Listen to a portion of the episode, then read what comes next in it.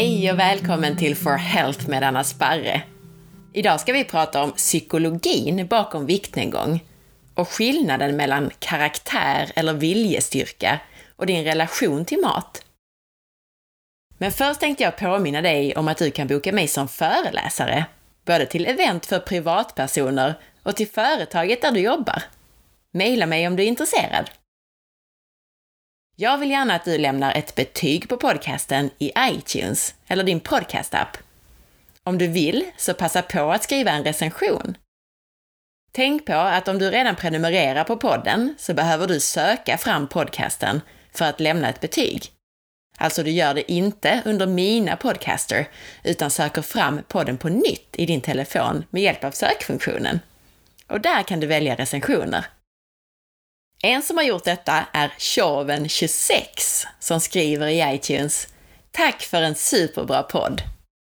Har precis lyssnat på ännu ett givande poddavsnitt med Anna och vill uppmana alla som är intresserade av kropp och hälsa att göra detsamma. Anna förmedlar så mycket intressant med sin gedigna kunskap och sitt engagerande och positiva sätt. Ser fram emot nästa avsnitt. Med vänlig hälsning Tjoven26. Tack snälla du för den här recensionen. Och om du som lyssnar gillar det här avsnittet så hjälper det mig och podden väldigt mycket om du vill dela med dig av avsnittet på Facebook, Instagram eller till en vän. Stort tack på förhand! Och om du är nyfiken efter avsnittet så hittar du mer information på forhealth.se.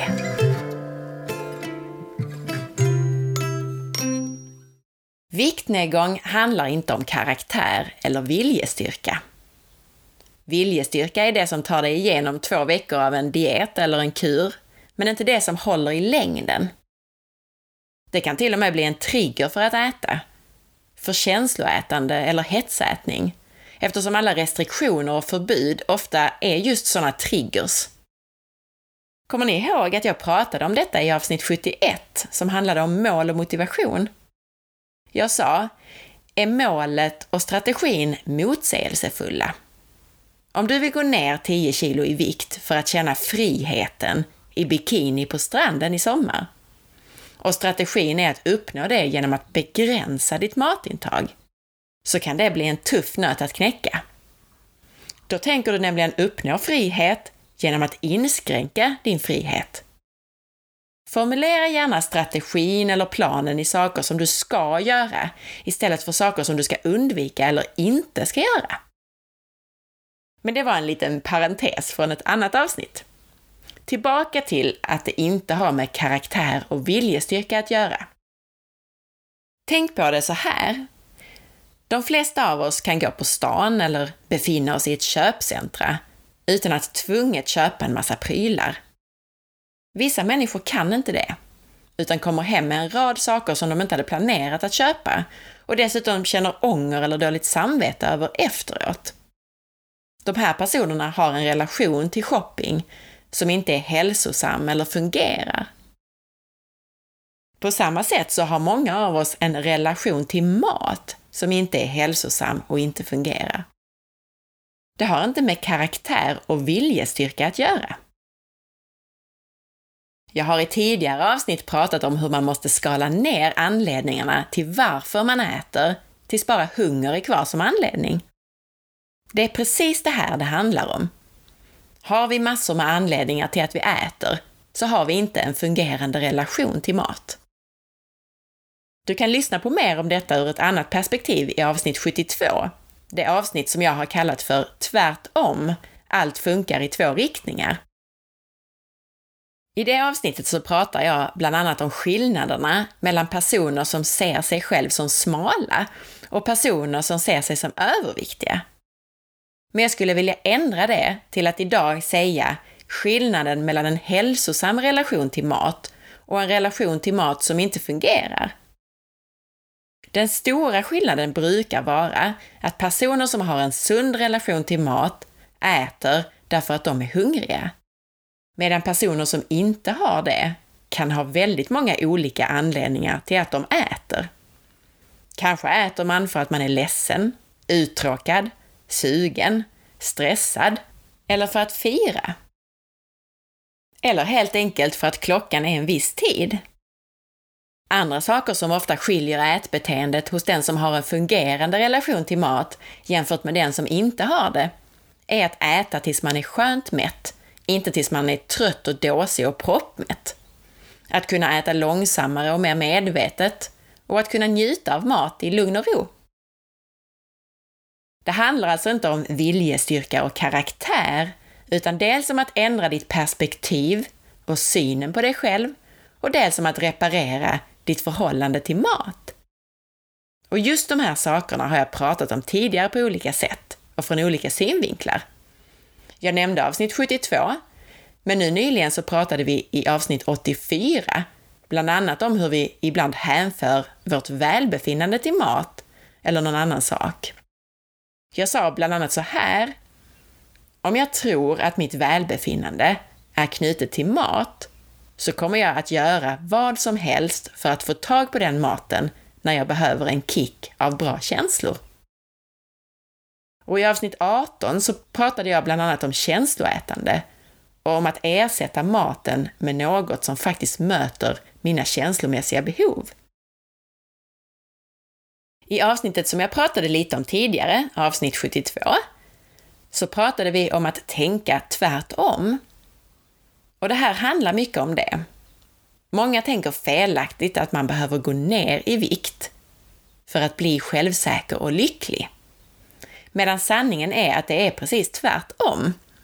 Du behöver stärka din självkänsla och ditt mentala mående för att få en hållbar relation till mat, för att kunna gå ner i vikt på ett hållbart sätt. Jag vill alltså dra det så långt som att för att kunna applicera och använda dig av alla kunskaper du har om mat och hälsa, allt du lärt dig här via den här podden till exempel, så måste du först styra upp den psykologiska biten. Du måste reparera din relation till mat och din syn på dig själv. Du kan se det som en pall eller en stol med olika ben, där ett ben är kunskap om bland annat hur kroppen fungerar och vilken mat som är bra. Ett annat ben är kanske dina sömn och träningsrutiner. Men ett mycket viktigt ben är det mentala. Saknar du något av de här benen så faller stolen. Har du bara en massa kunskap så hänger allt enbart på det som vi kallar för karaktär och viljestyrka, vilket håller max några veckor och sen rasar stolen. Så först behöver du ändra tankemönstret och relationen till mat. Sen kan du applicera dina kunskaper och bli hälsosam och gå ner i vikt. Och i nästa steg, istället för att tänka att du ska gå ner i vikt för att bli hälsosam, så behöver du bli hälsosam för att kunna gå ner i vikt. Om vi pratar en hållbar viktnedgång och inte jojobantning. Vilket tar oss in på det här med mål och motivation. Även i avsnitt 71 så pratade jag om motivation och hur du uppnår mål. Kanske då med en annan vinkling och med ännu mer konkreta verktyg, så lyssna gärna även på det avsnittet, avsnitt 71. Det jag vill säga här och nu, det är att motivation handlar om att hitta ditt syfte, ditt svar på frågan varför. Ställ gärna frågan varför, gång på gång på gång. Vill du gå ner i vikt för att se snygg ut? Varför? Vill du gå ner i vikt för att andra ska tycka att du är fin? Varför? Vill du gå ner i vikt för att du tror att det ska stärka ditt självförtroende och din självkänsla? Kanske har du då hamnat i en återvändsgränd och behöver hitta andra syften, andra varför till att leva hälsosamt och gå ner i vikt. Om ditt syfte, ditt varför, bara är att komma i bikinin till sommaren, så kommer det nog vara svårt att känna motivation de dagar som är tuffa eller livet helt enkelt inte är så roligt. Därför att det här syftet inte är tillräckligt starkt, inte tillräckligt viktigt för dig.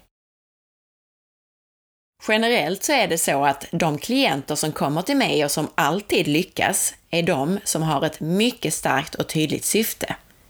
Det kan vara personer som har allvarliga hälsoproblem. En 19-årig tjej som stod inför en stomioperation var jättemotiverad att lägga om sin kost. Hon ville vara fri från de begränsningar en stomipåse skulle ge henne hela livet. Hon ville vara en ung och fri kvinna. En kvinna som drabbats av cancer är ett annat exempel. För henne gällde det liv och död. En annan kvinna har PCOS och kan inte få barn. Hennes motivation är att hon vill bli gravid, hon vill ha en familj. Mycket tydliga syften, mycket starka svar på frågan varför. Syften som håller även dagar när det känns tufft. En ung och kraftigt överviktig man, han kom till mig ett år och ville gå ner i vikt. Varför? Nja, det var väl varken hälsosamt eller snyggt att bära på så många kilon. Och hans resa började bra. Han gick snabbt ner hela 17 kilo. Sen kom semestern, det rann ut lite i sanden och han gick upp en del av den vikt som han hade tappat igen. Samma man kom tillbaka till mig i år, då med ett verkligt syfte. Han hade insett att han kanske inte skulle få se sina barn växa upp om han fortsatte så här.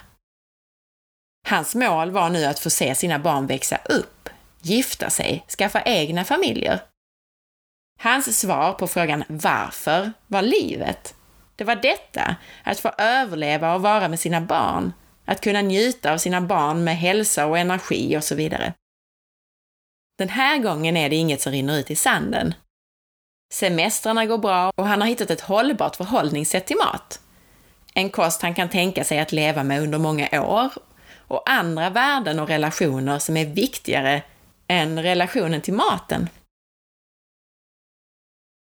Jag har nu flera gånger nämnt både din relation till mat och ditt perspektiv och din syn på dig själv. Och för att förklara din relation till mat så jämförde jag med din relation till shopping. Men vad menar jag med ditt perspektiv och din syn på dig själv?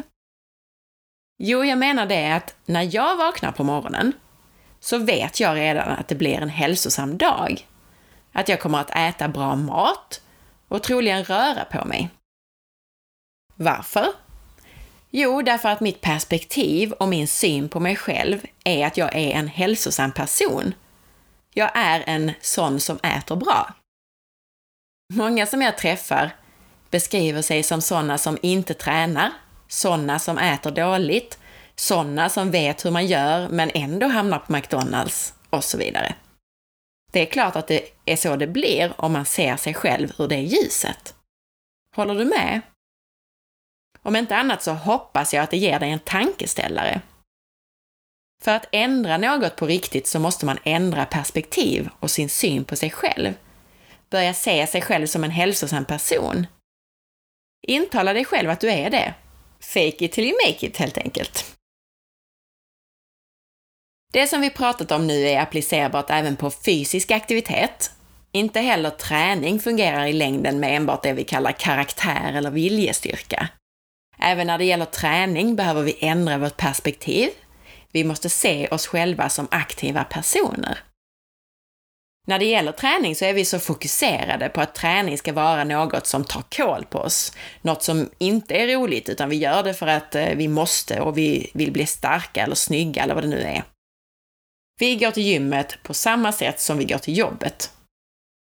För att vi känner att vi ska och vi måste, men inte för att vi vill och älskar det.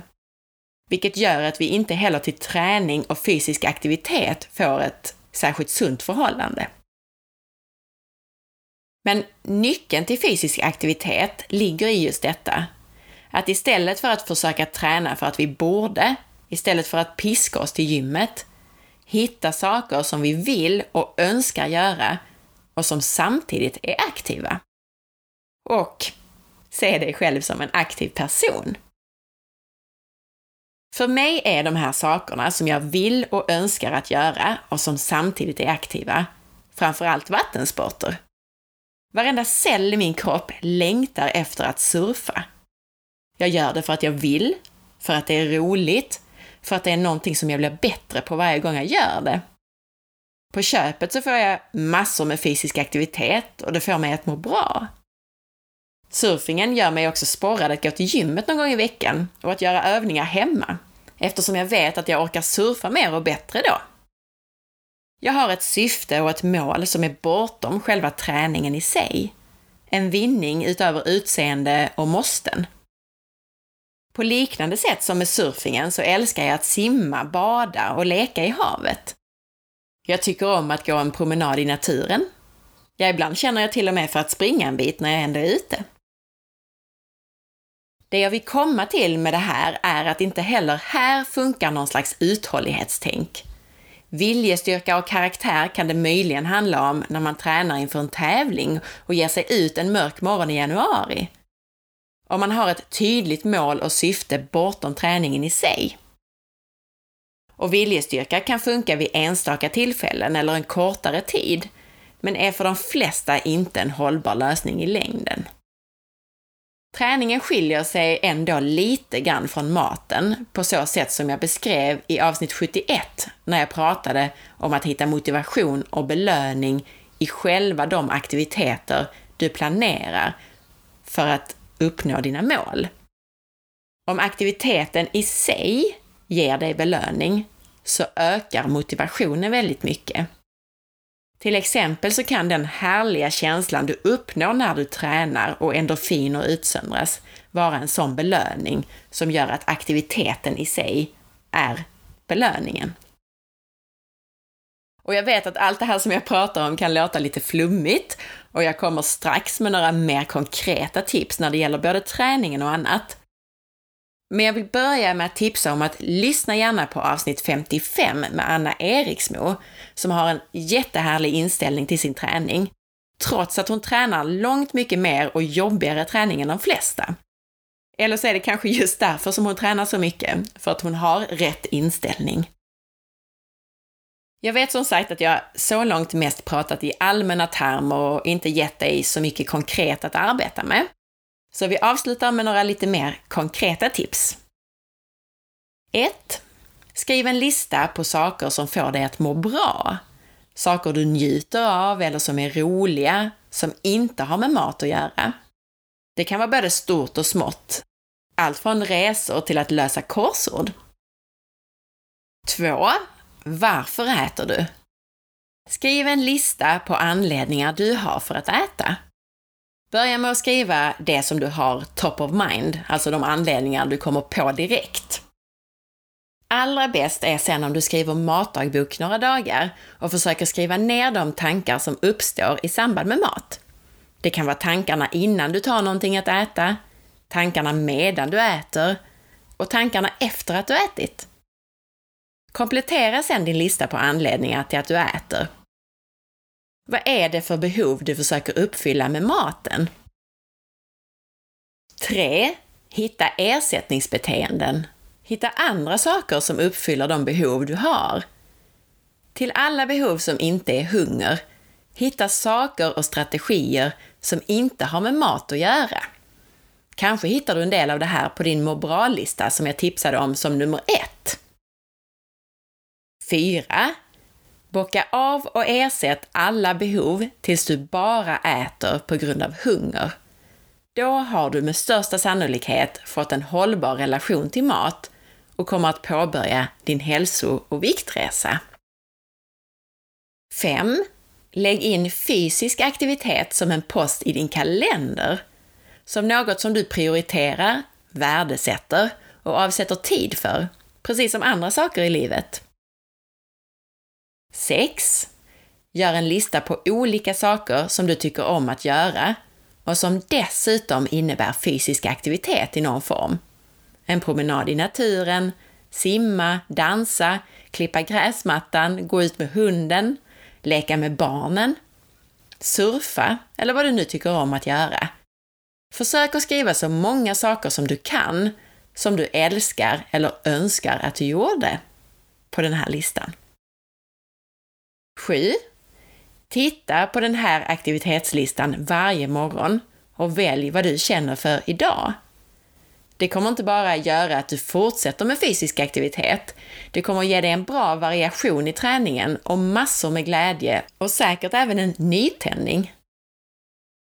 För fler konkreta tips och verktyg så rekommenderar jag dig att lyssna på avsnitt 71 där fokuserar vi inte så mycket på psykologin runt det, utan vi går rakt på sak kring hur du uppnår dina mål och håller dig motiverad. Och sist men inte minst så vill jag säga att det finns självklart andra saker som spelar in än psykologi och relationen till mat. Exempelvis så finns det genetiska variationer som är starkt kopplade till ökad aptit. Och mer om det kan du lära dig genom det test som heter DNA Diet, som du hittar under hälsotester, DNA och genetik på forhealth.se. Andra saker är kosten i sig, där mat som smakar sött ökar aptiten och begäret efter mat. Vanor och uppväxt har såklart påverkat din relation till mat, men vanor gör att du faktiskt bygger nervbanor i hjärnan som påverkar hur du beter dig i förhållande till mat. Men det jag pratat om idag, din relation till mat, din syn på dig själv, istället för det där ordet karaktär som enligt mig egentligen inte ens finns. Det här, alltså relationen och synen på dig själv, är något av det absolut viktigaste. Tack för att du lyssnade! Jag hoppas att du gillade avsnittet. Kommentera gärna med dina tankar och erfarenheter kring det här med viljestyrka, motivation och din relation till mat på bloggen på forhealth.se. Missa inte att jag föreläser i Lund den 25 maj. Föreläsningen hålls av Achima. Mer information på deras Facebook-sida, Achima Care Rehab Skåne. Och anmälan görs till eva.damkär.achima.se. Och Damkär stavas D-A-M-K-J-A-E-R. I kommande avsnitt så kommer vi bland annat att få besök av Anna Hallén och vi kommer att prata gelatin och kollagen och andra konstigheter och hur det kan påverka allt från sömn till mage, värk och annat. Så missa inte det! Om du gillade podcasten så glöm inte att dela med dig. Missa inte heller att följa med på bloggen på forhealth.se.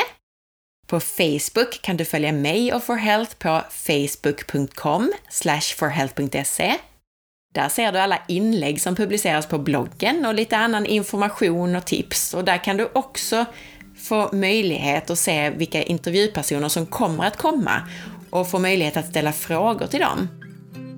På Instagram kan du följa mig via signaturen asparre och där ser du, förutom information om poddavsnitten, också en hel del matinspiration och livsstilsinspiration överlag. Ha en riktigt fin dag och vecka så hörs vi snart igen. Hej då!